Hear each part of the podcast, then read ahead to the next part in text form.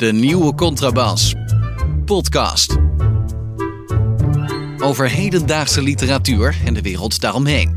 Met Chrétien Breukers, een elitaire Limburger.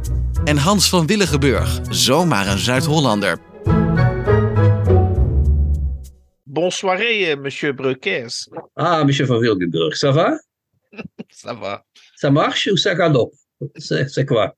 Ja, in het Frans? Hans. Je ne sais pas. Lastig, hè, het Frans. Ja. Hoe- is het, kerel? Hoe gaat het met? Eh, bon, bon. Ah, mooi, mooi, mooi. mooi. Vertel Eh, eens. Nou, we gaan vandaag, en daarom eh, ehm, zijn we op deze manier begonnen. We gaan namelijk twee Franse, of tenminste de hele, hele podcast, of in ieder geval een deel van de podcast, staat ja, een beetje onder leiding van Macron en Force de Frappe, namelijk Frankrijk. Ja, zeker. En we gaan twee boeken bespreken. En eh, zoals eh, wij dat graag doen als service aan onze luisteraars, gaan we gelijk die boeken ook noemen. Hè? Dus, eh, dat, Ja, dan kunnen ze meteen af, alles afzetten, zeg maar. Dat vindt Erik een goed idee. Hè? Als- kunnen ze doorspoelen, weet je. Oh, ja, kan ook. We zullen zien. Maar wat voor boeken gaan we bespreken? Nou, we, gaan twee, we gaan twee boeken bespreken. We gaan eerst eh bespreken, of nee, dat weet ik niet in welke volgorde, maar we gaan in ieder geval bespreken een paar maanden van mijn leven van Michel Houellebecq. En dat is een, eh, een, een klein, eh, hoe kan ik dat een schotschrift noemen? Hoe moet ik dat Ja, een, noemen? da- een, da- een, een soort dagboek annex schotschrift, zou ik het noemen. Ja. dagboek annex schotschrift van Michel Houellebecq, mede naar aanleiding, of eigenlijk naar aanleiding van de, van de pornozaak, zou ik, maar, zou ik maar zeggen. En dan gaan we eh, bespreken eh, van DJ Eribon, ook een Fransman, het vonnis van de samenleving. Dat is een sociologische studie naar afkomst en ja, hoe noem je dat? Tussen bepaalde klassen proberen te migreren. Ja, Ja, en, dat en, is en, een- en dus migratie in de buitenwereld en migratie in, in, in, in, in persoon, inderdaad. Ja, Eh, ja, in klassenzin. Ja. En, en ik ga aan het einde van de aflevering voor de echte diehard, mensen die dan nog, eh, die, dan nog leven, ga ik een eh, short read doen uit Nieuwe Zwanenzangen van Jeroen Messely. Een dichtbundel. en, eh, Jeroen, dat- sorry, die, die, die, Hij heet Jeroen Messely. En Oh, het is eh, heel vroeger, toen wij nog jong waren, Hans, toen je nog internet had, althans internet met literatuur erop. Toen was hij bekend als Achiel van den Branden. Weet je dat nog? Dat was een man met heel veel, die heel veel recensies schreef. oh ja. Ja, Ja, die schreef iets. bijna elke dag eh, hele lange recensies. En dat bleek later bleek dat een dichter te zijn die Jeroen Messely heet. Oké. Ja, daar ga ik dan iets over vertellen. En die heeft dus iets gepubliceerd wat jij gaat close readen. Oké. Ja, ik ga daar een gedicht van close readen. Maar daar gaan we mee. Dan gaan we voornamelijk naar Duitsland, naar de erfvijand van Frankrijk. Dus alles zit weer in deze aflevering, Hans. Het is weer, het is weer een va-et-vient van fantastische dingen. Ja. Goed. Heb je een Eh, lijstje, Hans? Want daar ja, zit ik al de hele tijd op te wachten. Ja, ik zit op eh, eten eh, kolen, ja. Ja, ja, lijstje. Het lijstje begint vandaag met eh 1000 euro. 1000 euro. Een anonieme donor. Waarvoor eh, bedankt. eh, anonieme donor. Eh, het kon minder, zouden ze in Groningen zeggen. Eh, kan ook meer, natuurlijk. Daar gaat het niet om. Maar als het zo gaat, dan gaat het sneller dan daarvoor. Laat ik het zo zeggen, toch? Ja, en we hadden hier ook een in- ingestudeerd eh, grapje bij. Ja, wat was dat ook alweer? Ja, als, er Eh, één, als er één rug over de dam is, dan... Als er één rug over de dam is, volgen er meer. Je was zo flauw dat ik hem alweer vergeten was. Maar het is echt oprecht heel erg bedankt. Het is fijn Ja, om eh, de waardering in uitdrukking te zien. Vooral als het in grote bedragen gaat, is waardering heel fijn om te ondervinden. En, en hoewel de afzender dus anoniem is, is dit, dat mogen we er ook wel bij zeggen, is dit eh, wel de recorddonatie. Ik bedoel, Ja, niemand is hier nog overheen geweest. Nee, het was eerst 400 euro. Ja. Eh, en het is nu 1000. Dus we, zijn, eh, we gaan met sprongen vooruit. Dat kun je Ja, wel dat is zeggen. een Ja. expo- exponentiële groei noemen ze dat. eh. Ga verder. dan had ik het er liever niet over gehad. Maar ja, op een bepaald moment in het jaar dan, dan wordt de Nobelprijs natuurlijk uitgereikt. Dus Ja. ja, dat, het vervelende daarvan is dat je, nogmaals, dat ik er eigenlijk ni- niks over te zeggen heb. Maar ja, die man heet John Vossen. Het enige wat ik erover kan zeggen is dat uitgeverij Oevers, jouw Die, zal uit- die zijn nu blij waarschijnlijk. Dat denk die, ik wel. die zitten waarschijnlijk nu in de stress, want die denken waarschijnlijk van eh, hoe gaan we John Vossen eh, op de, zo snel mogelijk op de, op de band leggen.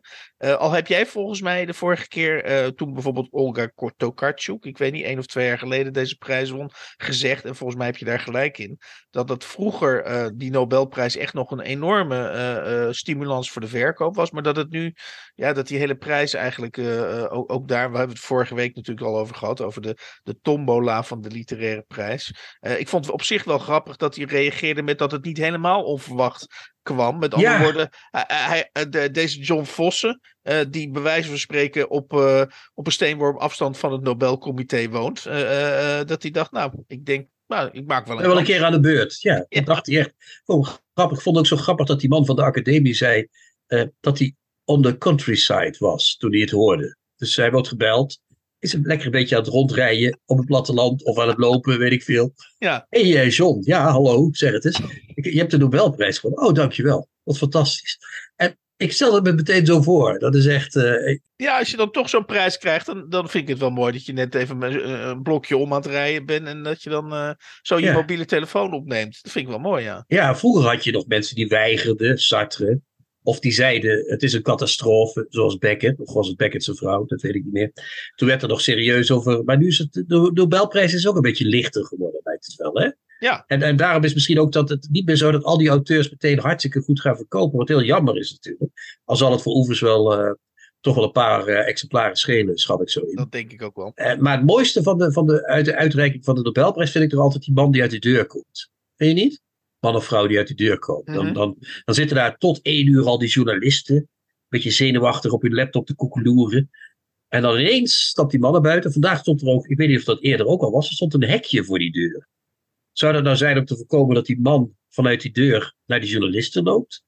Of zou dat zijn om de journalisten tegen te houden dat ze naar die man lopen? Je weet Ja, het dat gewoon niet eh, dat moet jij voor me is. oplossen, want ik, ik heb daar nooit beelden bij. Ik lees gewoon Nee. een nieuws, nieuwsbericht en daar, daar blijft het voor mij bij. Maar En die man die komt er naar buiten en die begint in het Zweeds te, te oreren dan. Fantastisch. Gewoon keihard daar. Hè? Niet in het, in- daarna even in het Engels, dat wel. Maar gewoon echt in het Zweeds. Niet zo van, eh, we- doen een handreiking. Nee, wij zijn een Nobelprijs en wij spreken hier Zweeds. Het is echt, eh, ik vind het een fascinerende gebeurtenis altijd. En weer geen notenbomen, hè? Alweer niet. En die is al 90, dus dat wordt nog wat. Maar goed, Uh, Nog één ding, ik zag dat hij, en dat, dat, verba dat verbaasde me wel in hoge mate, dat hij twee, da- hij schijnt, er stond letterlijk, ik dacht in de Volkskrant of in een ander nieuwsbericht, dat hij 2000 toneelstukken had nee, geschreven. nee, nee dat, zijn, nee, dat is fout. Dat is, Oh, Ik las ergens duizend. Maar dat heeft, er zijn duizend keer is er een opvoering van een van zijn Oh, toneelstukken geweest. dat is wel heel wat anders. Dus Oké. duizend keer zijn die gespeeld. De, dat is Oh. toch echt wat anders dan. eh, eh, dat, dat betekent dat hij misschien 40 toneelstukken heeft. Maar die zijn heel veel gespeeld overal. eh, dat is- Ja, oké. oké. Nee, ik dacht, ik, ik kreeg opeens een heel ander beeld bij die prijs. Als, als, zeg maar, als, als prijs voor de meest productieve of de, de, de, de snelst bewegende pen of zo. Maar oké, nee. Heb jij wel eens iets van hem gelezen of niet? Eh, Ja, ik heb wel eens iets van hem gelezen. je houdt van Knausgaard, hè? Dat, ik Ja. denk dat je het dan wel leuk zult vinden. Ja, hij, houdt jij- wel van het, hij is het detail wel toegedaan, zeg maar. Hij houdt wel van een. Ah, ik ga zeker wat van hem lezen. Dus in die Ja. zin heeft die Nobelprijs eh, wel eh, zijn functie, in ieder geval eh, bij mij thuis. Dan kan ik niet laten om eventjes twee favorieten van ons toch aan te halen. Al was het maar omdat ze deze week toch weer op een bepaalde manier van zich hebben doen spreken. Om te beginnen Ilja Pfeiffer. Ach, ehm, wat zei die die- nu weer? Nou, ik vond het fantastisch. Ik, ik, ik ben benieuwd. Ja, ik, ik neem aan dat je het in deze met me eens zult zijn. Maar ik ben, ik ben niet per definitie op zoek naar bevestiging. Ilja, ik, om even alvast eh, of in de stemming te komen, was deze week. En deed daar in dat uh, gerontologische blaadje eh, van HP de Tijd. eh, deed daar verslag van. Hij had gegeten met niemand minder dan Carolien de Gruiter. Dat is die van NRC Handelsblad. Ja, van die, NRC, die, Euro- sorry. die Ja, ja. Europa-correspondenten van de NRC. En dat had hij gedaan in een hele eh, politiek gevoelige plaats, namelijk in, in Budapest. Hij had dus in Budapest met Caroline de Gruyter gegeten. En het was hem zo ontzettend bevallen hoe goed geïnformeerd Caroline was over, over heel Europa. Dat hij eigenlijk min of meer, toen hij naar buiten kwam, tot de conclusie kwam. Hetgeen hij in die column ook met geuren en kleuren eh, eh, uitlegt. Dat eigenlijk de rest van de mensheid, eh, naast Caroline de Gruyter, want die was wel geslaagd voor haar examen, dat de rest van ons allemaal gedesinformeerd is over Europa. Ja, en daar moet ik het mee eens zijn. Zei je dat? Nee, maar ik moest- Wat was nou precies de bedoeling Nee, van ja, dit? ja, nee, ik, ik, het gaat er mij meer om dat, dat eigenlijk dat hij, dat, hij, dat hij zo verwend is door Caroline de Gruyter daar in Boedapest, dat hij in één keer tot de conclusie kwam dat je de, dat je de rest van de mensheid niet meer kunt vertrouwen. Inderdaad. Nee, nee, nee. Het is, het is inderdaad, dat is dat laatste is zeker waar. Maar ik zou Ilja daar ook nog bij nemen, denk ik. En misschien Caroline ook wel, ik weet het niet. eh. Ja. Maar goed, het is, het is een. eh, het is eigenlijk, ja, Ilja wordt steeds. eh, hij krijgt een soort. Hij, hij wordt een soort gobbebol of zo. Hè? Een soort, soort, soort, Ja. Iets wat af en toe tevoorschijn springt. eh, en dan eh, zegt van. "Rrr, En Ja. ja. ja, je weet het, er wordt een soort parodie op een parodie op een parodie van, van iets wat vroeger een schrijver was. Ja, en, en ik heb bijna zoiets. Maarten Verrossum, die is dan verexcuseerd, want die is 80 of bijna Ja, 80. en die begint helemaal in elkaar te zakken. Eh, maar maar mijn, mijn, eh, Ilja, jij bent pas mi- midden 50, dus eh, Ja. kom op. eh. Ja, je moet je niet gaan gedragen als eerste de beste burgerlul nu al. eh. toch, vind je niet? Ja, ik, ik, ben, ik vind het wel dat het inderdaad, eh, het gaat wel echt een hele, hele rare kant op met Ilja. En, en daar is dit een nieuw bewijs van. Maar dan komen Ja. we bij onze tweede, bij onze tweede favoriete, eh, eh, een van onze favoriete auteurs, zeker, er, zeker van jou, namelijk Tommy Wieringa. En ik zal Ah, opnieuw eventjes jou eventjes in, in de, ja, ik zou bijna zeggen, in het bad van Tommy onderdompelen. Om te beginnen wordt zijn nieuwe, nieuwste roman, Nirwana, waar jij al de voor, in de vorige podcast een paar bijzinnen aangeweid hebt. Niet, niet heel vlijend, doet het niet toe. Maar de HP De Tijd, die vindt dit een, eh, Thomas van den Berg in dit geval, die vindt dit een nieuwe, uitmuntende roman. Eh, ik citeer hier. Eh, met bloedstollende en zeer overtuigende passages. Bovendien, en dat is dan zeg maar de, de icing on the cake, provocerende stellingnames over de huidige tijd.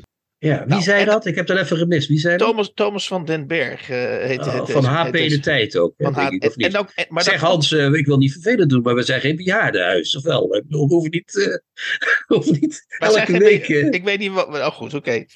Ja, ik weet niet wanneer jouw definitie of waar jouw leeftijdsgrens zit. Misschien vallen wij er op een bepaalde manier. zelf ja, wij zijn in, ook bejaarden, Hans. Ja, natuurlijk. Ja, zeker. Ja, ja. Maar wij zijn nog hele vieven. Ja, dat wel.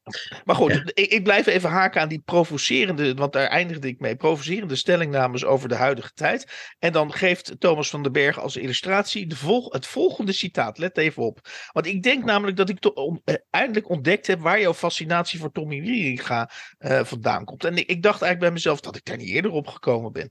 Let op. Ehm, die let op, hè, dit is een provocerende stellingname over de huidige tijd. De Damstraat was een goede plaats om te ontwaken in je eigen tijd.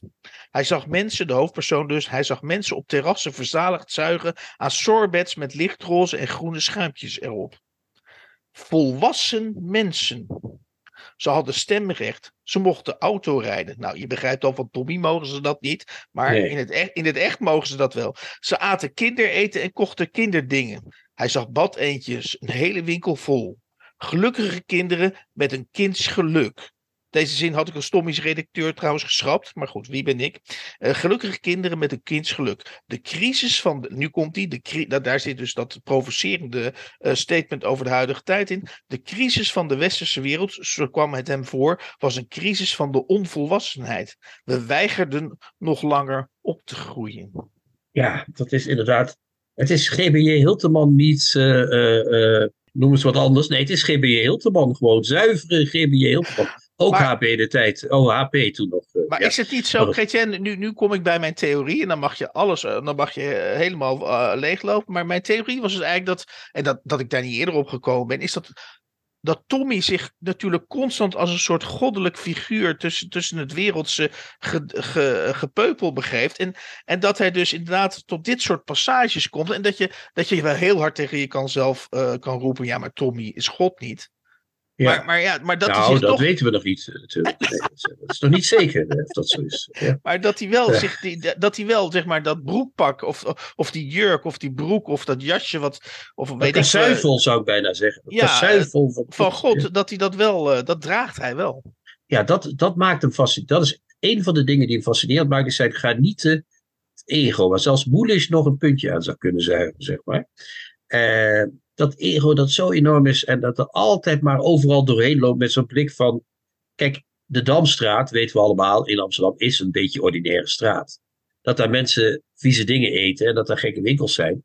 Ik zou dat nog niet meteen de crisis van de tijd noemen. Maar als Tommy dat zegt, dan vindt Thomas van den Berg dat blijkbaar iets heel dieps eh, en iets heel eh, fijns. Dus Hm. dat is, het is, het is eh, ook nog, het is en dat goddelijke, wat zich dan heel vaak uit in eh, hele simpele beweringen. Waardoor iedereen, en waarna iedereen toch nog zegt van nou, dat is goed gezien, zeg nou, dat is interessant. En, dat, en niemand die zegt van, ja sorry, maar dit soort proza, dat vonden we 40 jaar geleden al ouderwets.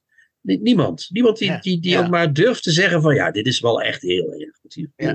En dat, dat, maakt, dat, dat maakt voor mij Tommy echt een soort, eh, Ja, ik kan er echt uren over Tommy nadenken. Dat heb ik je al eens ooit verteld. Dat is Ja. echt, eh, je hebt je boek nog niet... ge- We moeten eigenlijk samen het boek eens doen. Eh, dat zou mooi Ja, zijn. misschien moeten we dat uiteindelijk toch maar eens gaan doen. Hè? Maar Ja. ik vind vooral die zin eh, volwassen mensen. En dan heeft hij dus eigenlijk die verbazing in. in, in, in, in Die gespeelde verbazing, hè? gespeelde verbazing over dat dit volwassen mensen zijn. En dat ze, ze hadden stemrecht. Ze mochten auto rijden. Ja, maar dan moet je dus even nagaan. Dat meent hij waarschijnlijk serieus, hè? ja, dat, Dus hij vindt echt dat mensen hun stemrecht afgenomen moet worden als ze iets eten wat hem niet bevalt. Nou, dat is, denk daar maar eens over na, hoe dwingend dat is. En hoe in wezen dictatoriaal en autoritair. Dat is echt vrij ernstig, is dat, als je dat diep doordenkt. eh. Maar die boeken van Tommy zijn niet bedoeld om diep door te denken, dat is wel duidelijk. Oké, la- laatste vraag. Laatste vraag. eh, want dan gaan we naar de boeken zo. Ehm, eh, wat vind je van het idee dat we zo transparant mogelijk moeten zijn in onze podcast? Nou ja, ik weet niet wat je nu over mij gaat vertellen, maar ik, vind Nee, dat nee, we, ik vind dat we zo transparant mogelijk moeten zijn. Oké, nee, nee, nee. Ik, dus, het, Welk bedoel- geheim ga je onthullen? Nee, nee, nee. Ik, ik bedoel het volgende. Ik, ik heb geen geheim in die zin dat iedereen weet dat wij over de podcast. eh, eh, t- eh, in de periode dat we geen podcast maken. Dus dat zijn zeven dagen tot we weer een podcast maken. Dat we regelmatig contact hebben via onze eigen tijdlijn op WhatsApp. En toen op een gegeven moment weet ik wel dat wij. eh, Wilfried de Jong met Schwung. Dat ik dat heb besteld. En toen Ja, Waar, ik naar geïnteresseerd ben, is het volgende. Eh, ik, ik heb dus in principe alle boeken die we toegestuurd krijgen. Ik, ik zeg niet dat ik me moreel verplicht voel om die dan ook allemaal in de podcast te bespreken. En we bespreken ook niet alles, wel het meeste, maar niet alles. En eh, toen vroeg ik aan jou op de, op, de, op de app van... Ja, we hebben dat boek eh, van Wilfried de Jong liggen, Schwung. Moeten we dat niet ook in de podcast bespreken? En toen, eh, toen, ik weet niet eens meer wat je precies antwoordde... maar je had echt zoiets van... Ja, dat jij me dat nou nog moet vragen, dat, dat, is, dat is toch... En toen dacht ik van... Ja, wat bedoelt hij nu eigenlijk? Waar- waarom komt dit niet in aanmer- aanmerking om besproken te worden? En dat vond ik een interessante vraag. Dus ik dacht, dus die vraag stel ik alsnog.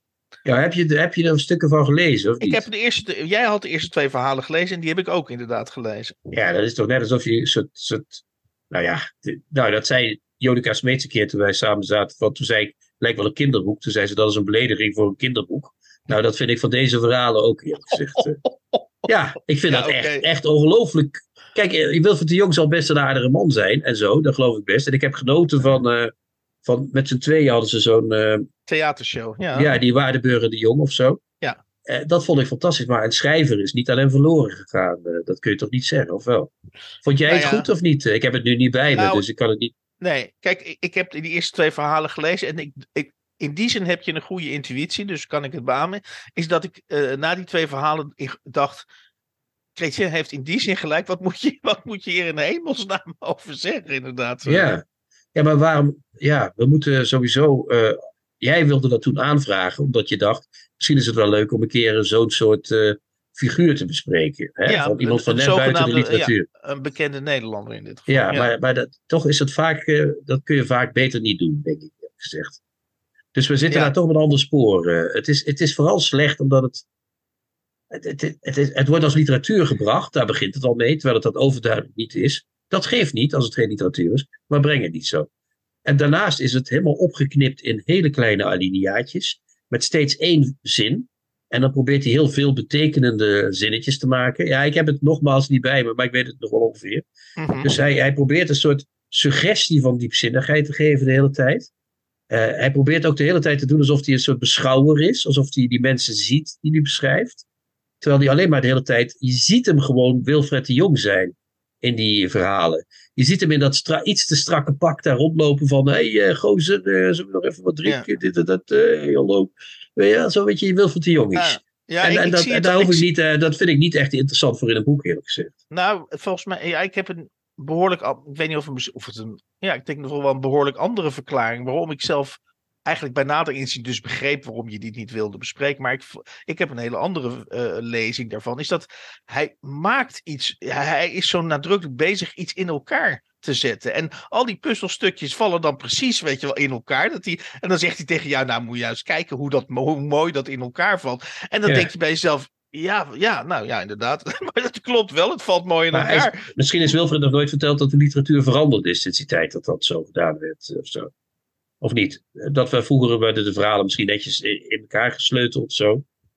Nee, ja, maar dat het niet. is zo, het is zo zeg maar, voor technisch is het zo af. Hè, de, eh, zonder dat je inderdaad. De, eh, eh, dus dit, het is net alsof je een kind, bij wijze van spreken, inderdaad zegt: Nou, maak een mooie tekening of maak een mooi opstel. Met, met die en die elementen erin. En dat doet hij dan ook heel erg goed. En dan, ja, dat is wel een goed cijfer. Maar ja, wat, wat moet je er verder mee? Ja, dat is ook een goede. Ja. Het, is niks, het, is niks, het heeft niks eigens. Het is een soort poging tot literatuur. Dat is het eigenlijk. Oké. Ja, ik moet Ja. nog wel. Jij gaat, jij gaat nog, ga je nog steeds naar de Nacht van de Poëzie of niet? eh Ja, ik ga. Nacht van de ga- Poëzie. Ik ga, eh, deze week ga ik naar de Nacht van de Poëzie. Oh, eh, ben je Mag je- voor- Ja, je mag iets voor. Je mag me een opdracht meegeven. Mee. Nee, ik moet je van tevoren even waarschuwen. Oh. Ik, moet, ik moet je even waarschuwen. Want ik las een interview in het Parool van 5 oktober, van vandaag dus. Met Esther Naomi Perkin, een van de presentatoren eh, eh, van, eh, van de nacht. Hè, samen met Piet Purijns, die tien jaar geleden terminaal ziek zou zijn. Maar dat is blijkbaar niet doorgegaan. Die is er nog steeds namelijk. Ja, het is volk vreemd. Dat heb ik altijd verbaasd. Maar goed, het kan gebeuren. En die krijgt allerlei vragen voorgelegd per keer. Waarvan één, wat maakt die zaal zo heerlijk? En dat is een van de antwoorden die ze daarop geeft, dat het zo bewegelijk en levendig is. Je weet niet wie wanneer optreedt. Het risico dat je een optreden mist, hoort er ook bij. Er kwam een keer iemand huilend de zaal in, omdat ze net op het toilet zat toen Judith Herzberg optrad. Dus ik waarschuw je, Hans, niet even tussendoor naar het toilet, want voordat je het weet, eh, mis je een van je favoriete optredens. En dan nog een heel andere iets, dat is echt heel grappig. Echt heel grappig. Dan ga ik, maar dat is echt, dat moet je echt. Let op of er weer zoiets gebeurt, Hans. Een paar jaar geleden viel een vrouw om. Ze lag lang uitgestrekt voor het podium. Dat is al lachen, hè? Haha, iemand valt. Leuk. En dan kwam de volgende zin: komt dan. Levi Weemoed onderbrak zijn voordracht en zei: Blijf maar liggen. Ik kom zo bij u. Nou ja, sorry, Hans. wat, is, wat, is dit voor, wat is dit voor verschrikkelijks waar we naar eh, zitten te kijken? Dus ik waarschuw je maar even, Hans. Het kan eh, niet naar de wc gaan en goed opletten of er humor is. Eh, We gaan, keer. we, gaan het, we gaan het zien. Ik verwacht volgende week een uitputtend verslag eh, van je. Gaan we voor zorgen. Zeker. En doen ze de groeten. Tips van de week. Boeken, artikelen of pamfletten die boven het maaiveld uitsteken. We komen bij eh, de afdeling Frankrijk Ja. in, de, in deze podcast. En ehm, we mogen wel zeggen, en dat geldt zowel voor Michel Houellebecq, die we eerst gaan bespreken, en vervolgens ook voor DJ Eribon. Eh het zijn me wel, eh, het zijn me wel eh, Dat zijn we de stokenbrandjes wel, hè? Ja, het is, het zijn we de boefjes wel. Ja, ik zou bijna zeggen, als, als Fransen niet bestonden, zou je ze moeten uitvinden. inderdaad. Ja, dat, dat, dat- en dan zou je, ja, want anders kun je onmogelijk uitleggen wat dat is, zoiets. maar. we beginnen hier met dat prachtige dagboekje van, van Wellebeck, zeg het eens. Jij bent een Wellebeck-fan, dus ik geef jou nu de vloer, zoals, zoals jij dat altijd noemt. Ik zeg tegen jou, Hans, take it away. Zeg het eens even. Ja. Het is een klein eh, handzaam boekje van iets meer dan 100 pagina's. Ehm, het is ook ogenschijnlijk vormtechnisch heel eh, eh, casual eh, eh, vormgegeven. Eh, het, het lijkt een beetje op een haasklus, maar goed, de, de, de naam en de, de, de titel zijn er keurig opgekomen. Michel Houellebecq, een paar maanden van mijn leven. En eh, als je, het, het is in ieder geval, eh, want wat Michel Houellebecq reageert in dit boekje, of de- dit dagboek, annex sch- eh, sch- eh, schotschrift, op eh, de porno, wat ik maar even de porno-affaire noem. Ehm, wat Michel Houellebecq doet, eh, of vooral, ik denk dat het even interessant is wat Michel Houellebecq doet, als wat hij niet doet. Wat hij namelijk niet doet, eh, of dat probeert hij zoveel mogelijk te vermijden, is dat hij eh, zijn woede over, deze, ehm, eh, over deze zaak, of zijn verontwaardiging, of wat dan ook, eh, dat hij die de overhand eh, laat nemen.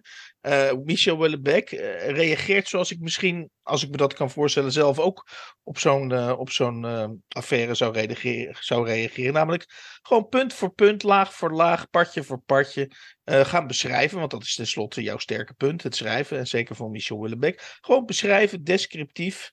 Eh, van wat er allemaal eh, zich heeft plaatsgevonden. En ik moet wel toegeven dat hij laat zich een paar keer gaan. Want hij noemt eh, zijn tegenspeler van Kirak. critical, wat, hoe heet het dat ook weer? Nee, keep, keep it real art. Keep it real art critics. Ja, in, in het echte leven luisterend naar de naam Stefan Ruitenbeek. Uh, die noemt hij de kakkerlak. Dus daar, ja. daarin, daarin, laat hij zich natuurlijk toch wel even filijn gaan. En hij noemt de kakkerlak. Uh, en, en, en er zitten zeker wrangen en enigszins wraakzuchtige kwalificaties en scènes in. Op een gegeven moment noemt hij de kakkerlak. beschuldigt hij hem ervan dat hij wel eens het symbool. Dat vond ik op zich wel grappig gevonden. Symbool staat voor het einde van seksualiteit tout court. ja, en, dan met, ja. en dan met name in de 21ste eeuw. Maar nogmaals, de inhoud van het boek is dus dat hij chronologisch vertelt uh, hoe hij in die porno-affaire verzeild is geraakt. Um, uh, nogmaals, hij deelt dat dus allemaal op in partjes. Uh, er, zijn ook allerlei verschillende personages. de kakkerlak zelf, die het allemaal in scène heeft gezet. Of die de kalkoen, hè? En dan heb je inderdaad twee vrouwen, de kalkoen en de zeug. Ja, de zeug genoemd. is trouwens met de Maria van Dijk van vorige dat, Precies, ja. dat heb jij inderdaad. En wat ik, de, wat ik dus heel typisch Wellebeck vind, en dan mag jij wat mij betreft los, is dat... of, of in ieder geval de strategie van Wellebeck, als hij een strategie heeft, maar ik denk wel dat hij een soort strategie heeft, is dat hij zichzelf um, ja, eigenlijk, hij zegt steeds, hij benadrukt steeds zijn tekorten. En dat is natuurlijk misschien, een, misschien wel een flauwe verdedigingstactiek. Hij heeft het over zijn trage intelligentie. En over dat hij veel minder begrijpt dan bijvoorbeeld Bernard Henri Lévy. maar ik, ik, ik, mag me, ik mag claimen dat ik inderdaad Michel Wellebeck een keer geïnterviewd heb. En ik kan, ik kan wel enigszins beamen dat hij inderdaad waarschijnlijk een vrij trage denker is. En dat hij inderdaad uh, uh, ja, op een bepaalde manier goed gelovig is. En dat hij zich dus hierin heeft, uh, heeft ja, hoe zeg je dat, vergalopeerd inderdaad misschien. Ja, ja misschien. Maar het, het, het, hoe, las jij, hoe las jij het? Ja, ik heb het boek met enige verbazing gelezen. Om te beginnen gaat het er dus om dat hij. Begint, hij begint trouwens met een hele affaire die in Frankrijk blijkbaar speelde. Dat hij van, uh, van, uh, van uh, islamofobie werd beschuldigd. Omdat hij aan een blad van Michel Onfray had meegewerkt. ja. En dan neemt hij het een beetje terug. Sterker nog, hij, hij, wordt heel aardig tegen moslims. En dan begint hij over die pornoaffaire. Dat vond ik al een vreemde bocht die hij maakte. die pornoaffaire, als ik dat lees, denk ik, hoe kun je daarin verzeild raken? Dat denk ik echt serieus. Want wat hij doet is dus, hij ontvangt mensen van Kirak. Daar zit er ook een meisje bij die op uh, OnlyFans werkt. Dat is die, die kakkel, de, de kalkoen, zeg maar. Hè? Die vrouw, ik weet niet hoe ze het echt heet. Uh, die ontvangt hij met die, met die Ruiten... Hoe zei je nou? Ruitenbeek? Hoe heette die? Stefan Ruitenbeek, ja. Ja, oké. Okay. die ontvangt die twee. En dan gaan ze vertellen van... we willen graag een pornofilm met jou erin maken. Ja. En hij ziet dat wel zitten. Want hij vindt porno iets moois. Dat legt hij ook helemaal uit hoe mooi dat is. En hoe bevrijdend dat voor hem geweest is altijd. Maar nou ja, dan kun je nog denken, nou, tot, tot daar en toe, hè, dat nou, dat zo ik, dat is. Zegt, dat zegt hij volgens mij niet. Hij, hij is geïnteresseerd in porno en hij is geïnteresseerd in het effect op hemzelf ja. en ook op andere mensen. Maar dat hij nou de liefde verklaart aan porno, dat, dat zou ik niet willen zeggen. Maar goed, ga door. Ja, oké. Okay. Hij zegt inderdaad dat het voor hem een belangrijke methode is om toch ook wel de zaak een beetje aan de gang te krijgen. Hè? En hij heeft ook heel mooi beschreven hoe je sommige dingen nou eenmaal alleen maar in, in trio's kunt doen. Want als, dat, als de ene vrouw dat is de ene vrouw dat je dat zegt, ja. ja. Als de ene vrouw uh, je pijpt en je wil ook nog aan je ballen gelikt worden, moet je twee vrouwen hebben. Want dat gaat niet tegelijk. Dat vind ik hele Wellebeckiaanse humor, als ik dat zo mag zeggen. Van, ja. uh, dat, dat hij dat helemaal gaat uitleggen hoe dat werkt. Ja, en vooral het, in je hoofd gaat dat dan ook zo werken. Dan ga je daar ook aan denken van, hoe moet dat dan? Oh ja, dat, dat klopt. Nou, wat, wat, wat, wat, dat viel me namelijk ook op. Dat moet ik even, maar dan mag jij weer. Maar ik dacht, bij elke auteur wordt uitleggen waarom een man van trio's houdt, wordt vulgair. Maar dat Wellebeck ja. houdt een soort techno, hij houdt een soort technisch essayistisch paradigma aan, waarin hij gewoon even technisch uitlegt wat, wat het voordeel van een trio is. Nou, ja, en dat doet hij dan ook nog gek genoeg heel liefdevol. Dat vind ik ook heel mooi. Ja, maar goed, ja. maar dan, dan, dan heeft hij dus met die mensen gesproken. Hè, en dan komt het uiteindelijk tot, uh, tot, uh, uiteindelijk tot gemeenschap op de bank, zoals Toontje Lager vroeger uh, zong. Maar voor die tijd tekent hij een contract. En dat contract staat ook in het boekje.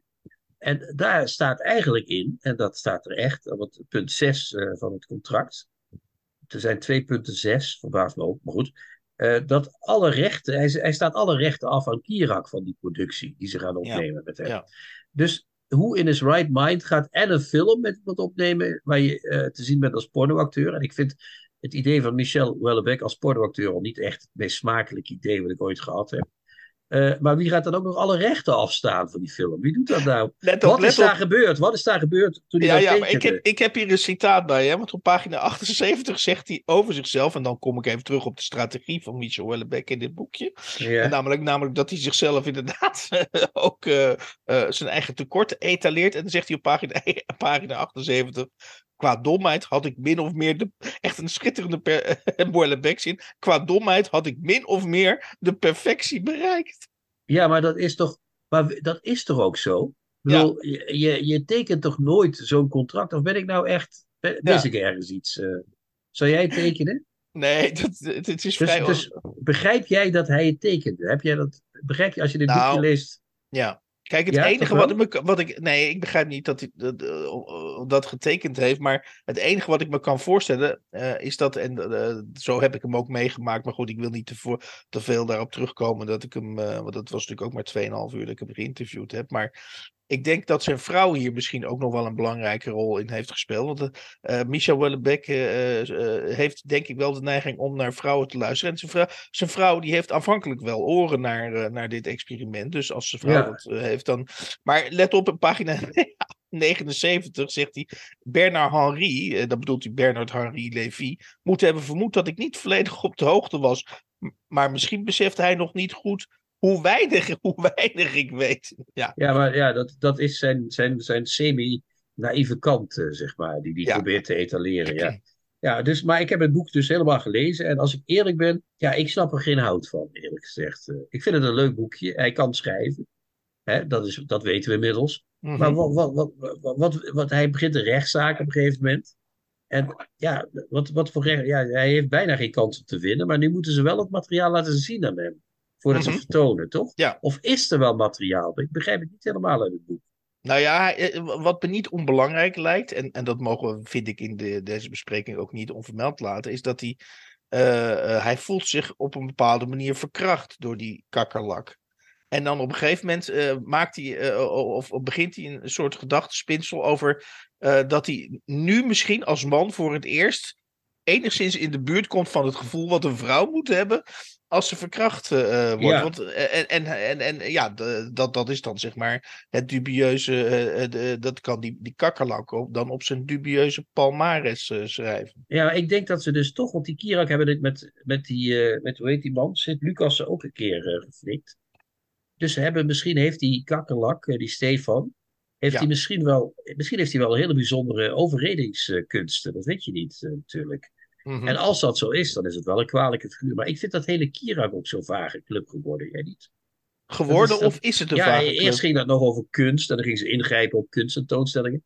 Maar nu proberen ze zo eh, eh, met, met allerlei van dit soort eh, dingetjes, proberen ze aandacht te trekken. Ja, ik weet het niet. Ik, vind, ik, ik weet, ik weet er te weinig van of het vroeger goed was, maar het leek me vroeger wel aardig. Maar die laatste dit tussen Lucas en Wellebeck vind ik echt, dat vind ik echt heel flauw, vind ik dat, hè, niet? Dus ik, ik Ja. snap wel dat Wellebeck zich enigszins Ja, maar, voelt. waarbij ik dan wel wil aantekenen dat, dat Sint-Lucas, nu Sint-Lucas wel heel erg, zeg maar, de hemel in, in bewegen, eh, om hem in één adem met Michel Houellebecq te noemen. Maar goed, ja, ja. maar goed, daar ga- het gaat erom dat ik denk dat het allebei. eh, eh, ja, wat, ja, dat is misschien iets wat Erik net zei. Want die Kirak vinden nu dat ze kunst aan het maken zijn. Die zijn nu kunst aan het maken. En dat Ja. doen ze over de rug van mensen. En ik denk dat ze zwakke, labiele mensen zoeken. En Sint-Lucas is natuurlijk als schrijver geen Wellebeck, om het heel zachtjes uit te drukken. Maar wel labiel. Net als Wellebeck, denk ik, eerlijk gezegd. Eh, kijk, dat Wellebeck wel niet vies is van een triootje, dat weten we nu inmiddels. En mevrouw Wellebeck lust er ook wel soep van. Of pap van, heet dat. Maar eh, eh, die, eh, die wilde dus niet die pap van Kirak blijkbaar. Maar toen had eh Wellebeck al zijn hand. Dus het blijft een raar soepje van, van gedoe. Ik vind het ook niks voor een Fransman om daar tegen te zijn. Als vroeger waren die toch altijd bekend om hun eh, wilde seksuele uitspatting. Ik zou denken, huppakee, er- eraan. Toch of niet? eh? ja, dat, dat, ik dat, ik dat, vind het een verwarrend boek. Daar komt, daar, daar komt het op neer. Ik weet het gewoon niet wat ik hiervan moet vinden. Nou ja, ik, ik, bij mijn overwegende gevoel is dat eh eh, Houellebecq inderdaad, waar je zou verwachten dat hij een verdediging van zichzelf op touw zet, of een serieuze aanval op de kakkerlak inzet, Maar dat doet hij geen van beide. Hij focust zich echt op zijn eigen ervaring, zijn eigen beleving van die, uh, van, van, van die affaire. En uh, ik, weet, ik, ik, weet niet eens of het een doel is om tegenover het publiek begrijpelijk te maken. Om uit te leggen waarom hij gedaan heeft, wat hij gedaan heeft. Wat ik juist mooi vind uh, aan dit boekje, is juist dat, wat het niet is. En het, dat is het dus allemaal niet. Nee, het is gewoon hoe hij het beleefd heeft en hoe hij ja. er tegenaan kijkt. En, en, en in die zin vind ik het, vind ik het een heb ik het met plezier gelezen en uh, vond ik het. Uh, en wat je zegt, hij kan schrijven. Dus sowieso, bij mij moet hij het wel heel bold maken als ik een Wellebeck niet met, smaak ja. uit, met smaak uitlees. Ja, ik heb het ook met smaak uitgelezen. Maar misschien is dat wel wat het is. Ik, ik, kan niet, ik, ik krijg niet voor elkaar om in zijn hoofd te kijken. Ook al geeft hij nog zoveel van zichzelf weg ik, ik vat hem gewoon niet, uh, zeg maar. Dat is het waarschijnlijk. Nou ja, als je over jezelf schrijft dat je domheid min of meer de perfectie bereikt heeft, dan dat vind ik. Ja, ja dat, is humor, zie, ja. ja. Ik, ik, ik, zie zo niet veel schrijvers die dat, uh, die dat uit hem. Uh, ja, dat is schitterend. Ja, dat, dat is waar. Dat zijn zinnen die hem. die, die, die, die, hef, die heffen hem boven alles uit. Dat nou, dat, dat wil ik niet zeggen, maar. Ik... Nou, dat is wel schrijven, echt. Dat is echt schrijven, is dat, ja. Nou, echt, schrij echt schrijven kan die andere Fransoos ook, die we vandaag hebben. Hè? Is een heel ander soort boek.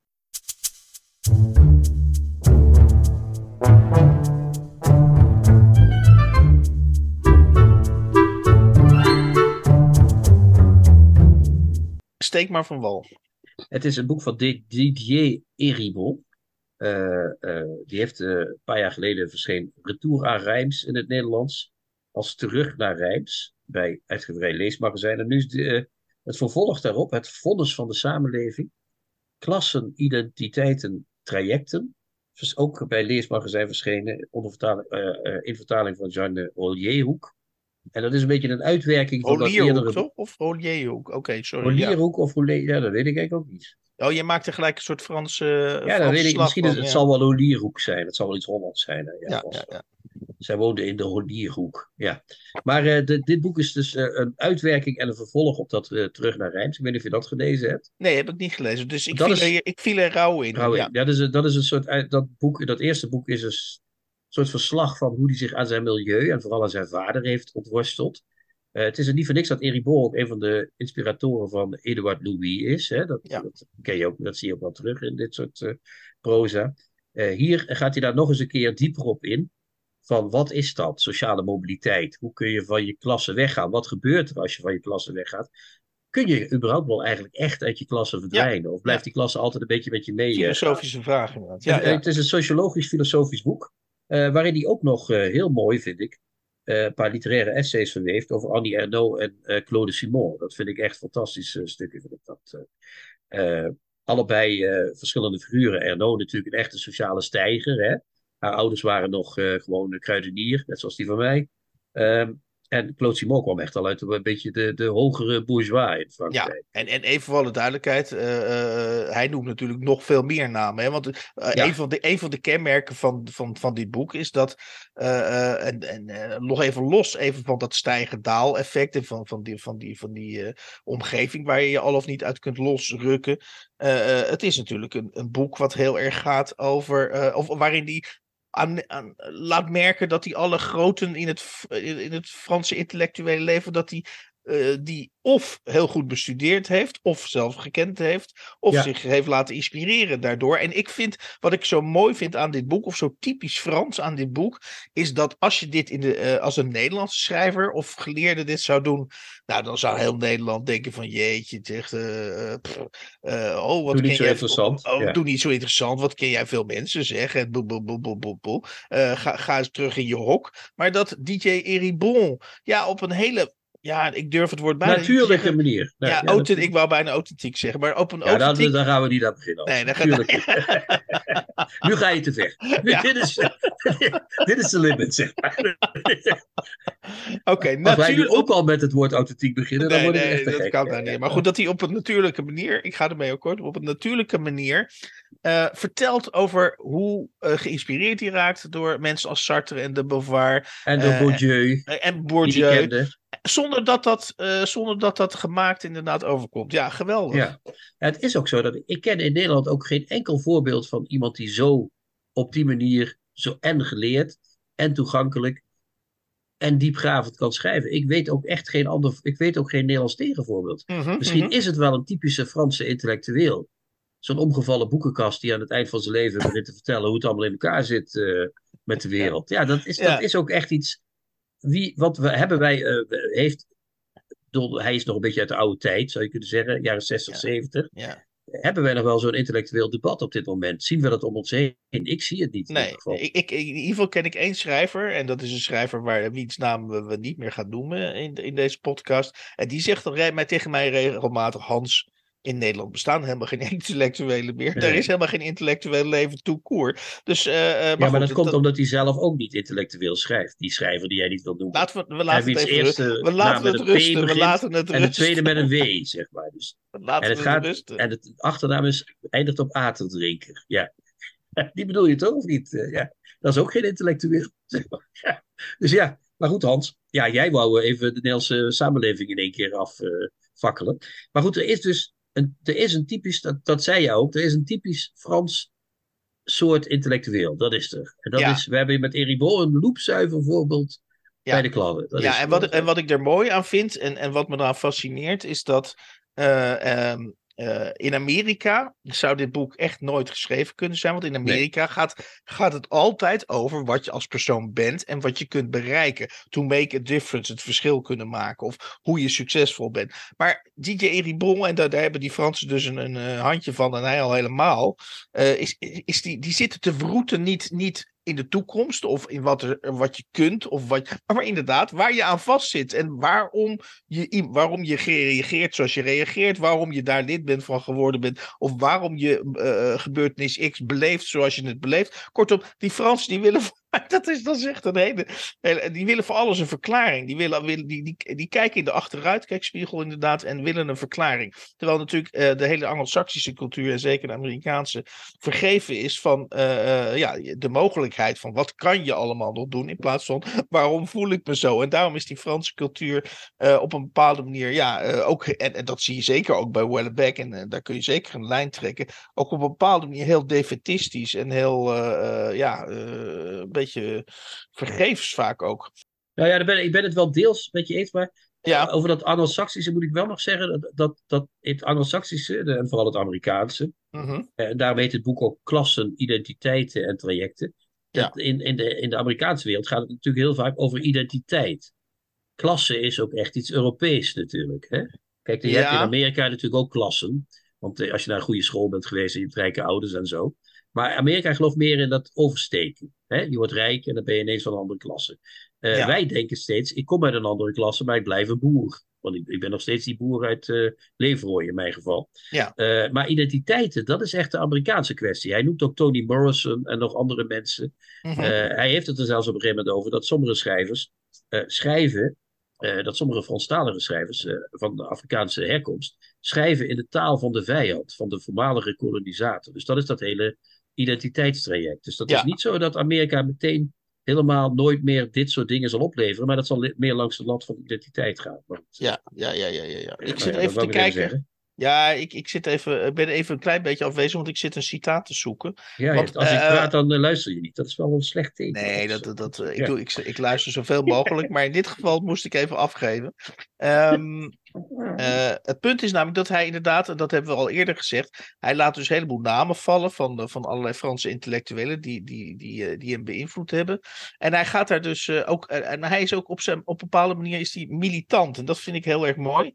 En dan zegt hij Een op een oude gegeven moment... communist ook, hè? Ja. Ja, hier. Ik heb Sartre en eh, let op, Eribon eh, eh, zit niet om een woordje verlegen.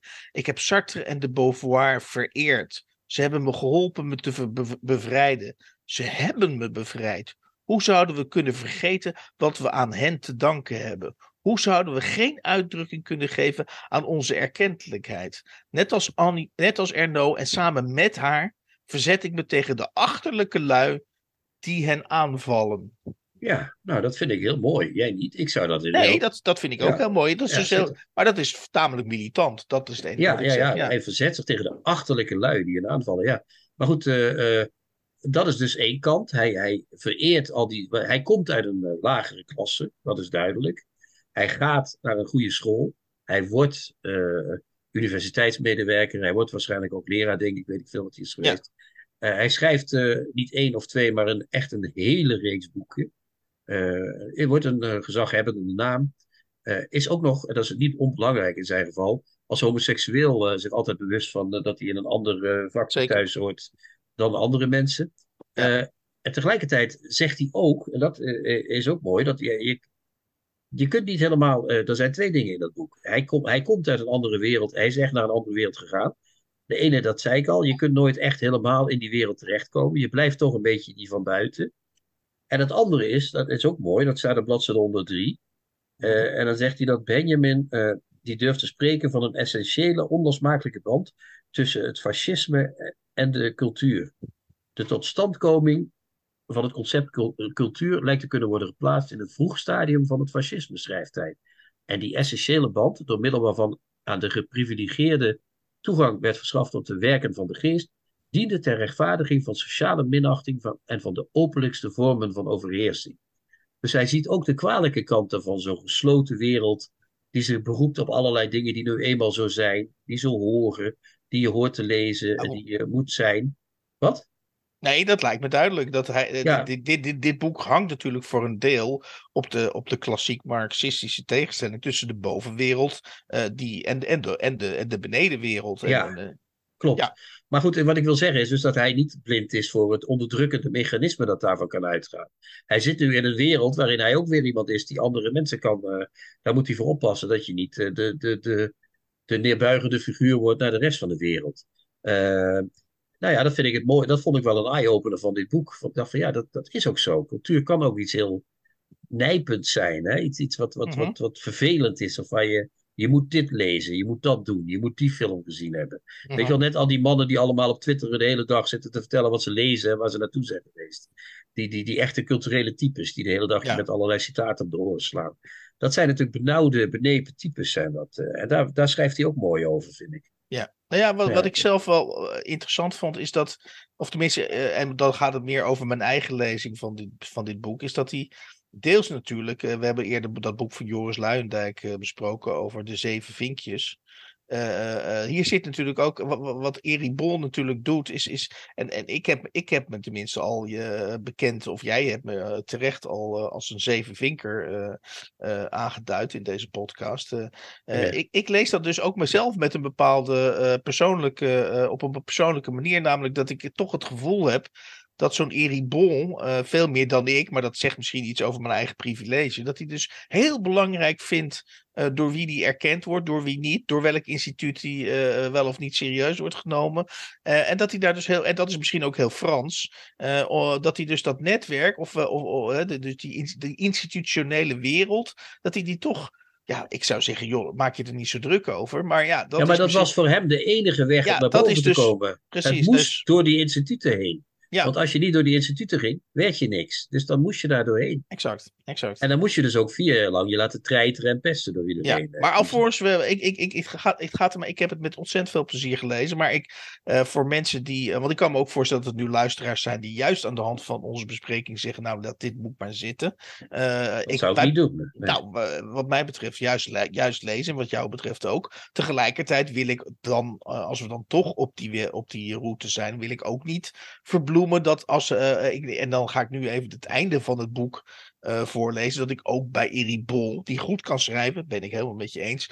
Toch ook wel eens denk: het had iets eenvoudiger gekund. Uh, let op. hij eindigt het boek met de volgende regels.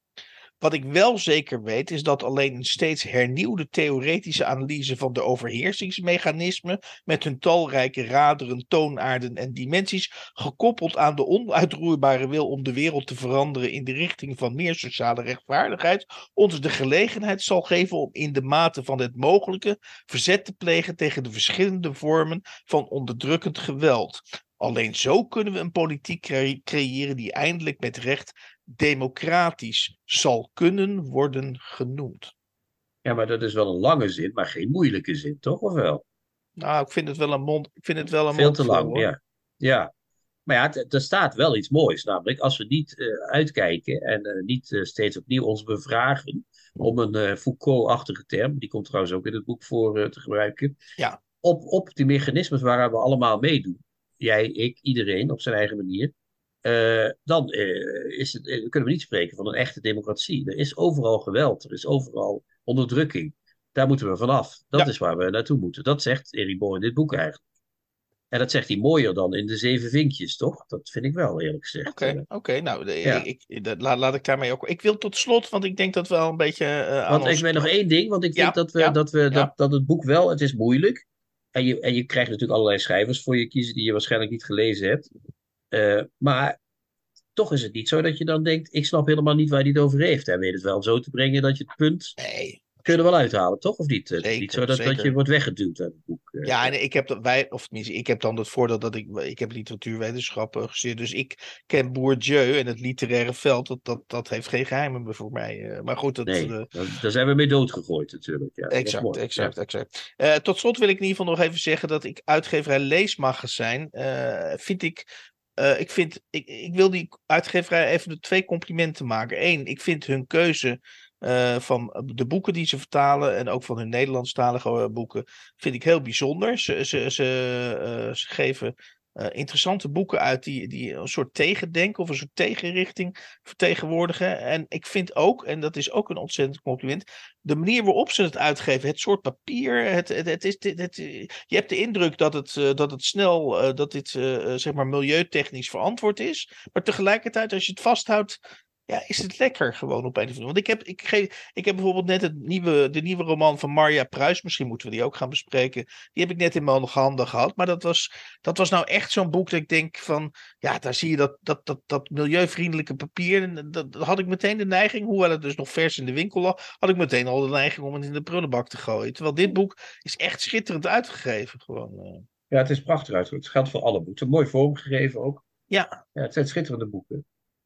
Ja, ja dus er dat wordt nog wel wat moois uitgegeven af en toe. Dat is zeker. Ja, dus, dus echt uitgeverij Leesmagazijn, ga zo door. Hier eh, ligt de vioolmuziek invoegen.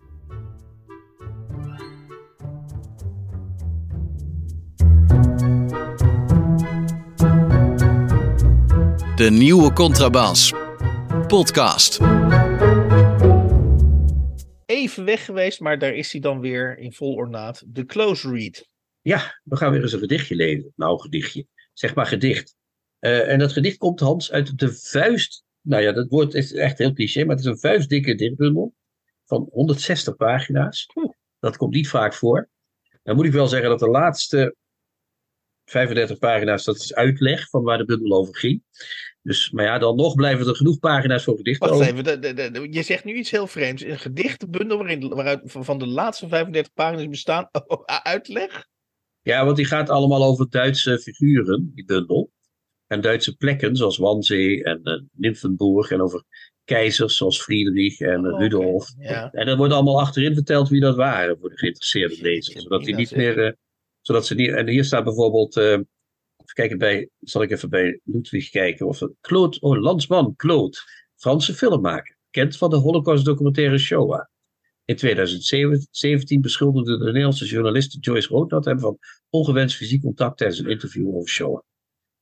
Enzovoort, enzovoort. Of Ludwig, keizer Ludwig. Even kijken Dus het komt ja, neer dat de, dat de dichter eigenlijk zegt... eh, eh, het, eh, je, je, kan deze gedichtbundel wel lezen, maar je moet ook die 35 pagina's ja, dat is lezen. een, beetje je- belerend. Anders, anders kun je, anders kun je de, de echte waarde van deze gedichten niet, niet goed Ja. schatten. Ik lees er nog eentje voor, het stukje Ja. daarvan. Ludwig II, 1845, 1886. Nederlands Lodewijk II. Dat irriteert me al vreselijk. Eh, koning van Beieren van 1864 tot 1886. Wereldvreemde en kopschuwe bouwheer van de kastelen Lindenhof, Linderhof, Neuschwanstein en Herren Chiemsee. Neef van keizerin Elisabeth van Oostenrijk, dus aanhalingstekens Sissi. Bleek zelf zijn hele leven, bleef zelf zijn hele leven ongetrouwd. Had een jongere broer Otto. Enzovoort. dat houdt maar niet op gewoon. En daar moeten wij dus allemaal ook doorheen nadat we door deze bundel Ja, zijn geweest. maar dit mag natuurlijk helemaal geen invloed hebben. Nee, maar mag ook dat geen heeft- invloed hebben. mag geen invloed hebben op, op de close read. Ja. Ik kan wel een klein beetje weggeven. Het heeft wel iets of wat invloed gehad. Maar goed, oké, dat, eh, dat is misschien niet netjes om dat vooraf weg te geven. Ik ga het eerste, zoals we altijd doen. Hè, we pakken het eerste gedicht en gaan Ja. daarmee aan de slag. Wat, wat is de bundel? Wat is de, of hebben we die al, die naam de, oh, sorry. De eerste bundel, de, de bundel heet Nieuwe Zwanenzangen. Het is eh, een goede titel, want de eerste bundel van eh, Jeroen Messen die heette Nachtlus. En deze heet, dat was geloof ik als ondertitel Zwanenzangen. En dit zijn nieuwe Zwanenzangen. Dus hij werkt aan een oeuvre, deze knaap. Uh, okay. Die dus ooit bekend was als Achil van den Branden. Hè, als uh, recensent op internet. Uh. Wel nu, we gaan naar het eerste gedicht. Friedrich 1832. Dat zou kunnen gaan over de heel jonge keizer Frederik. Die in 1831 volgens mij geboren is. Dat zouden we achter kunnen opzoeken trouwens. Gaan we doen. Kijk, kijken wat er gebeurt. Friedrich. Faust, Fractuur. Friedrich II, 17, 12, 1786. Oh, dat was Frederik II. Oké, dus die was toen 20, was die keizer, keizer Frederik II. Dat gedicht gaan we nu even lezen, ja? Dat is een uh, pagina lang. Als het morgenrood gaat bloeden en het grauwe maanlicht minacht, hoeden de zwanen als dode witte mannen op snode plannen en knakken het riet, maar breken het nooit. Wat denk je aan als je dit leest, Hans? Oeh. Ik denk dan aan een soort Nederlands uh, uh, slagerliedje. Als morgen rood gaat bloeden en het gouden maan, als het gras twee kontjes hoog is. Ja, dat zegt Erik, ja. Maar goed, Ja. ik, denk, ik, ik denk nog niet meteen aan keizer Frederik als ik dit eh, lees. Nee, ik, ja, Als het ik- morgen rood gaat bloeden en het grauwe maanlicht minacht, hoeden de zwanen als dode witte mannen. Op snode plannen, rijm ons, en knakken het riet, maar breken het nooit. Ja, dat, dat is nog niet eh, meteen een donders, geen maler, hè? Het is nog meer een beetje, beetje een klein fluitje is het. Het is nog niet veel eh, wat Ga zien. door, ga door, ga door. Zij krijsen niet als meeuwen, happen zelden naar een tweede adem, duiken niet als vissen naar de bodem om te geloven in innerlijk vertoon. Nu zijn we in het sportverslag eh, terechtgekomen, Hans. Eh, zijn we in het zwem, eh, de zwemkampioenschappen zijn nu. Hè? Ze happen, naar de, happen zelden naar een tweede adem. Duiken niet als vissen naar de bodem. Ik, eh, ik, ik ben even. Nou, ik ben, eh, ik- ik- dat ik zijn die zwanen, dat weet ik ook wel.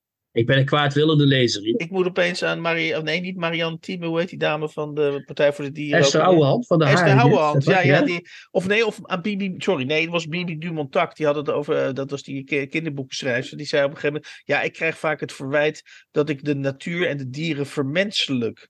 Oké, ja, dat gebeurt en- hier ook wel. Ja, dat, ja. Nou, precies, dat gebeurt hier ook. eh, maar aan dat de- is wel ik zou lief. bijna zeggen aan de lopende band. maar ja. Maar ik vind wel, als je dan aankomt met zwanen en met vissen, dat, dat, dan zitten we toch wel in een clichéfilm. eh, al, Ja, Na wel, twee ja. strofes al.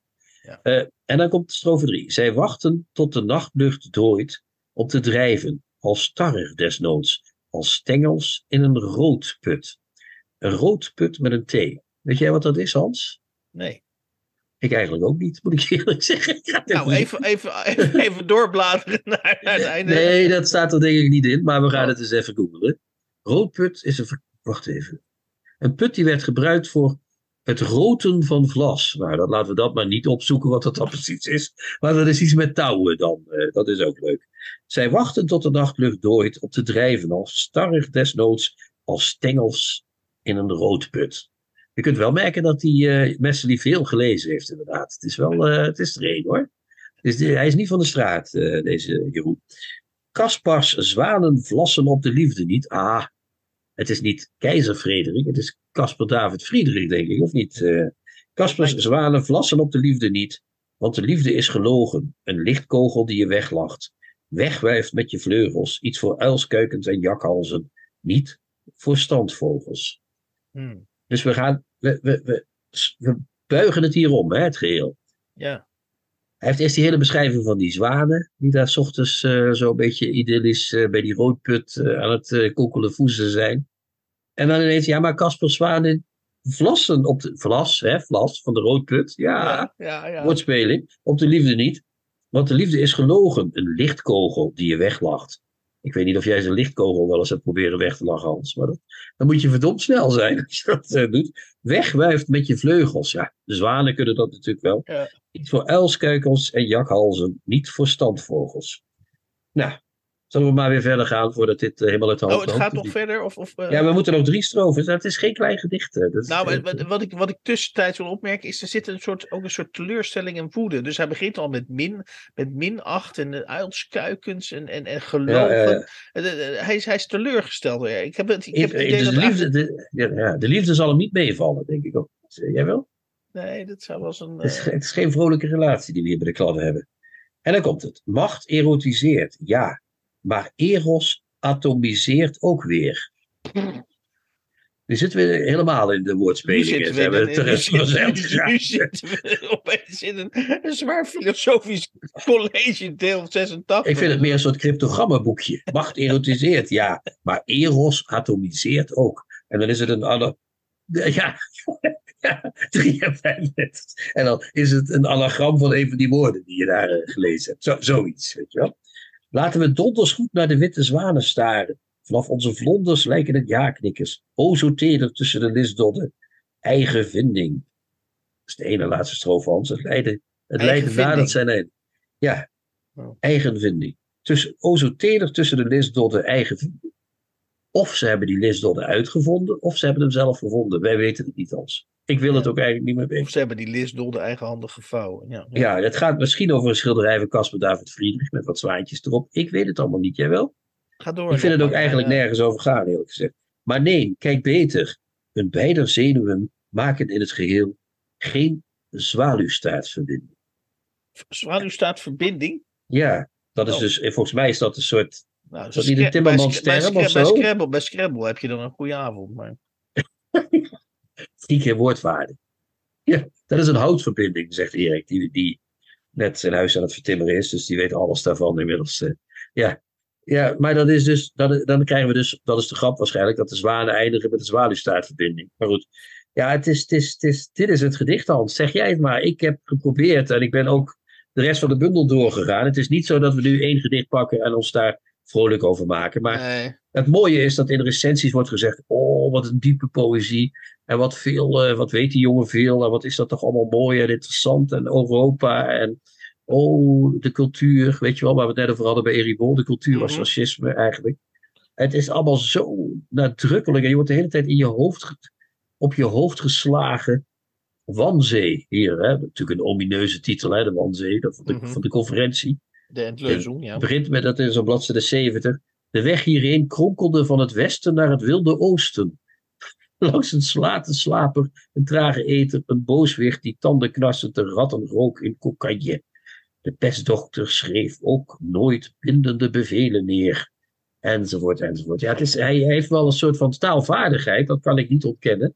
Maar het is wel eh, zo van, eh, als hij begint te ronken, is het net zo'n eh, zo'n oude motor die zo doek, doek, doek, doek, doek, weet je nog? Nou, dat zo'n brommer, ja. Misschien, misschien, ik weet niet of dit een dodelijke, misschien is het wel een dodelijke typering, maar uit, al, uit alles wat je voorleest, straalt helemaal uit van dat Achille van den Branden denkt dat dat, wat hij nu aan het schrijven is, poëzie is. Ja, dat is, het is heel nadrukkelijke poëzie.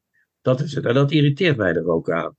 Oh, eh, in- ja, heel vermoeiend, heel vermoeiend. Daar ben ik heel met je eens. Ja, in de roekeloze uren van mijn adem kon ik nog vrij het verlangen naar amandelbrood. Weet je wel, dat soort. Het is, je kunt het ook omdraaien. In, in, eh, toen ik eh, amandelbrood brood at, kon ik nog vrij het verlangen naar de roekeloze uren van mijn adem. Staat precies hetzelfde. Maakt helemaal geen moer uit. Niks. En ik kies hier een willekeurig voorbeeld uit bladzijde 94. Waarom wilde je dit graag bespreken? Nou, dit wilde ik graag bespreken, omdat ik A, het toegestuurd heb gekregen van iemand die dat zo aardig was om dat te doen. Mhm. En ten tweede, omdat ik eh, toch een beetje op de hoogte wil blijven wat er in de Nederlandse poëzie speelt. En dit werd de laatste tijd gezien als echt een eh, beetje upcoming dichter. Dus ik wou dat toch eens even van dichtbij Oh, oké. Dus hij, ja, bekijken. ja. Je wilt toch zien wat, eh, wat de, de, de pudding is. En dan moet je hem eerst een beetje eten, voordat je kunt zeggen dat het niet zo'n lekkere pudding is. Maar ja. oké, dus we hebben nu weliswaar wat vluchtig, dat, sorry eh, lieve luisteraar, wat vluchtig door eh, een, een eerste indruk van deze poëzie gekregen. Eh, maar wat mij dus meer, nog meer verbaast dan de poëzie die we dus net hebben eh, door jou eh, prachtig voorgelezen overigens eh, hebben gehoord. Maar wat me dan nog helemaal verbijst is dus dat er kennelijk een aantal recensenten zijn die zeggen, nou, dit, dit, is wel echt... eh, Ja, hij had een knak, een interview met eh Benno Barnard, vier pagina's. Prachtig, Europese poëzie, weet je wel. Ja, ik, ik, ik zie het niet. Het zal wel aan mij liggen. Ik, ik ben eh, waarschijnlijk geen goede lezer of zo. Zal ik het gedicht tenslotte nog eens helemaal doen? Dat we ons kunnen laven? Of, eh, dat doen we meestal wel eigenlijk. Maar slaan we dat deze keer over, blijkbaar. ik, ik, heb ik heb niet zoveel trek. eh. Oké, dan zet ik het wel eventjes onder het bericht als we, het, Ja, als we ik- de podcast ik, plaatsen. Dan kunnen de en mensen zelf even kijken hoe het is. En ik Ja. zet ook een streep door de don- eventuele donatie van Benno Barnard dan. Ja, Benno Barnard gaat hier geen duizend euro mee doen. En Jeroen Messeling misschien ook niet. Al zou die als hij slim was, wel doneren. Want we hebben hem voor iets behoed, namelijk voor nog zo'n bundel. En daar zou ik zelf heel blij voor om zijn als, ik dat, eh, als mij dat was overkomen.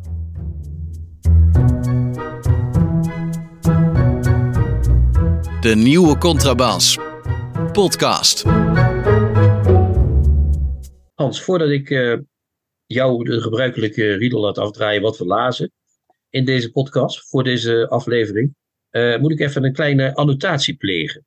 Uh, we hebben met Marika gesproken over Jesenska, Milena Jesenska, dat Duitse boek Prager ja. Interhöfe in Frühling.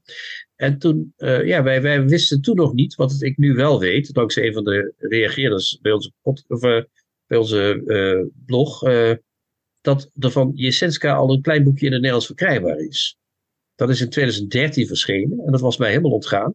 In de Moldaviet-reeks van uitgeverij Voetnoot te Antwerpen. Mm, ja, Er is een heel klein boekje verschenen, 84 pagina's, met zes van die chronieken erin. En dat is nog steeds verkrijgbaar voor 11 euro. Dus ik zou zeggen, hè, wat let je? Ja, verdraaid. Ik, ik zie dat boek opeens voor me. Ja, dat klopt. Ja, ja nou, dat is alle, die hadden allemaal die specifieke vorm met zo'n cijfer erop. En uh, door Irma Pieper vertaald. Een van de beste vertaalsters uh, samen met Edgar de Bruin uit de Tsjechisch. Dus ja, voor 11, ik heb het meteen besteld. wees niet dom en bestel het ook. Ja. Dus ik hoop dat er nou een uitgebreidere keuze zal verschijnen binnenkort van haar werk. Maar dit is er alvast, dus daar kunnen we ons alvast aan laten. Ja, en, en, en wat mooi ook eigenlijk en toepasselijk, dat uh, naast dat uitgeverij Leesmagazijn, wat ik echt dus een hele uh, inspirerende uitgeverij vind met uh, fantastische uitgeverij. Heb je ook inderdaad, ik weet niet of ze nog bestaan, uitgeverij Footnote. Maar ja, ze bestaan nog, jazeker. Ja, maar dat is ook echt een hele, hele een uitgeverij met een hele eigen uitstraling en een, een prachtige, prachtige uitgave ook. En ook, ook weer interessante titels ook, ja. Ja, hij is Hendrik Barends of Barendse. En zij heet Pijnappels met de achternaam volgens mij. En ze hebben, Barends was vroeger van de knipscheer de vormgever, van heel lang geleden. Klopt. Ja. Die had ook van die typische omslagen, hadden die altijd. Uh, ja. ja.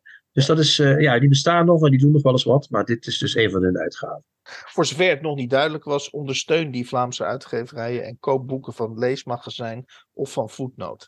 Ja, maar um, Leesmagazijn is geen Vlaamse uitgeverij. Dat is, gewoon, is dat zo? Ja, dat komt, die woont gewoon in Amsterdam, die uitgever. Ja. Oh, dat dacht ik. Maakt niet uit. Is ook een soort Vlaanderen, hè? Amsterdam. Maakt allemaal niet uit. Okay, Daar wonen nou, ook ja. mensen met stemrecht in de Damstraat. Ik, ik, dacht, ik dacht hier werkelijk een heel, uh, een, heel, een fenomeen bij de kladden te hebben, maar het blijkt dus niet zo te zijn. Nee. Namelijk, namelijk dat Vlaamse uitgevers uh, creatiever en, en, en uh, aaibaarder zijn dan Nederlandse. Maar deze magazijn is dus een Nederlandse uitgever. Wij lazen voor de 115e aflevering van de Nieuwe Contrabas. Um, een paar maanden van mijn leven van Michel Wellebeck. Natuurlijk vertaald zou ik bijna zeggen door zijn vaste vertaler. Uh, prachtige vertaler, hele goede vertaler ook. Martin de Haan. En verder uh, bespraken wij DJ Eribon, het vonnis van de samenleving.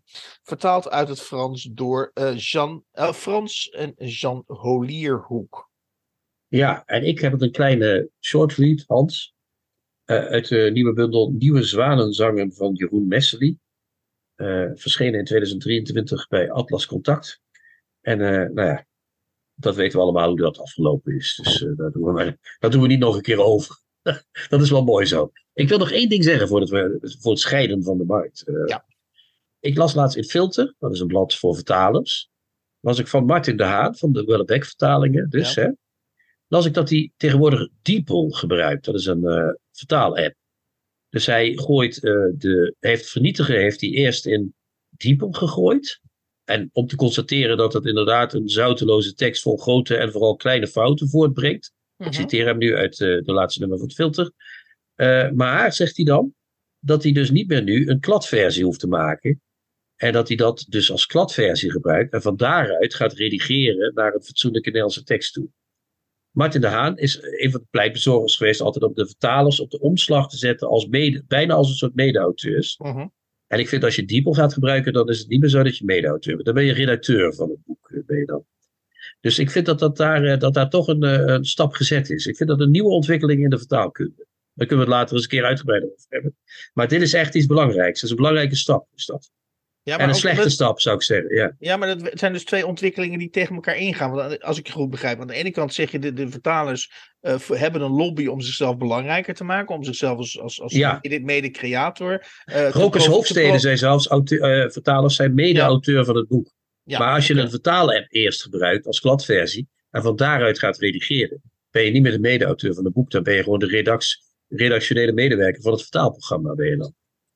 Dat kan wel heel veel tijd argument. kosten. Hij, hij zegt dat het kost me net zoveel tijd als gewoon vertalen. Dat kan, maar je gaat van een andere bron uit. Niet meer van wat je in je eigen hoofd weet van die taal en hoe je die taal ziet en hoe je die taal gelezen hebt, maar dan is het echt eh, een ander eh, paar mouwen, zoals de Vlamingen zouden zeggen.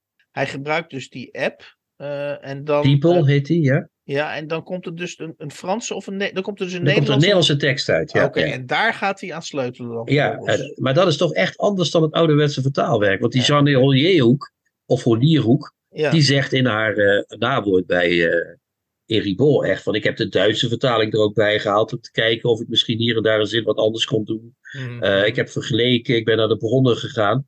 Dat is nog een beetje het ouderwetse handwerk wat die verricht.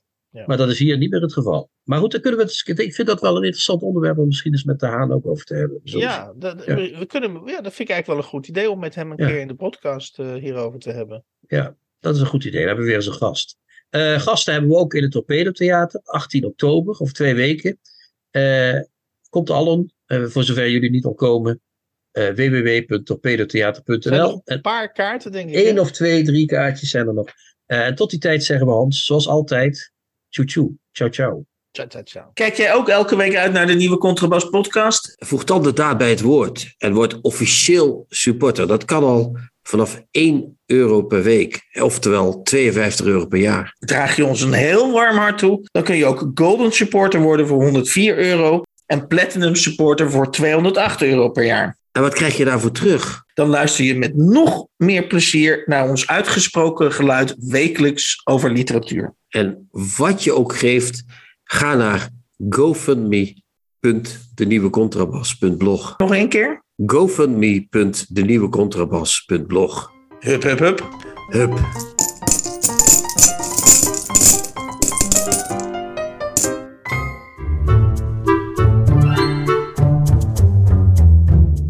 De nieuwe Contrabas podcast wordt gemaakt door Chrétien Breukers, Hans van Willigenburg en Erik Lindenburg.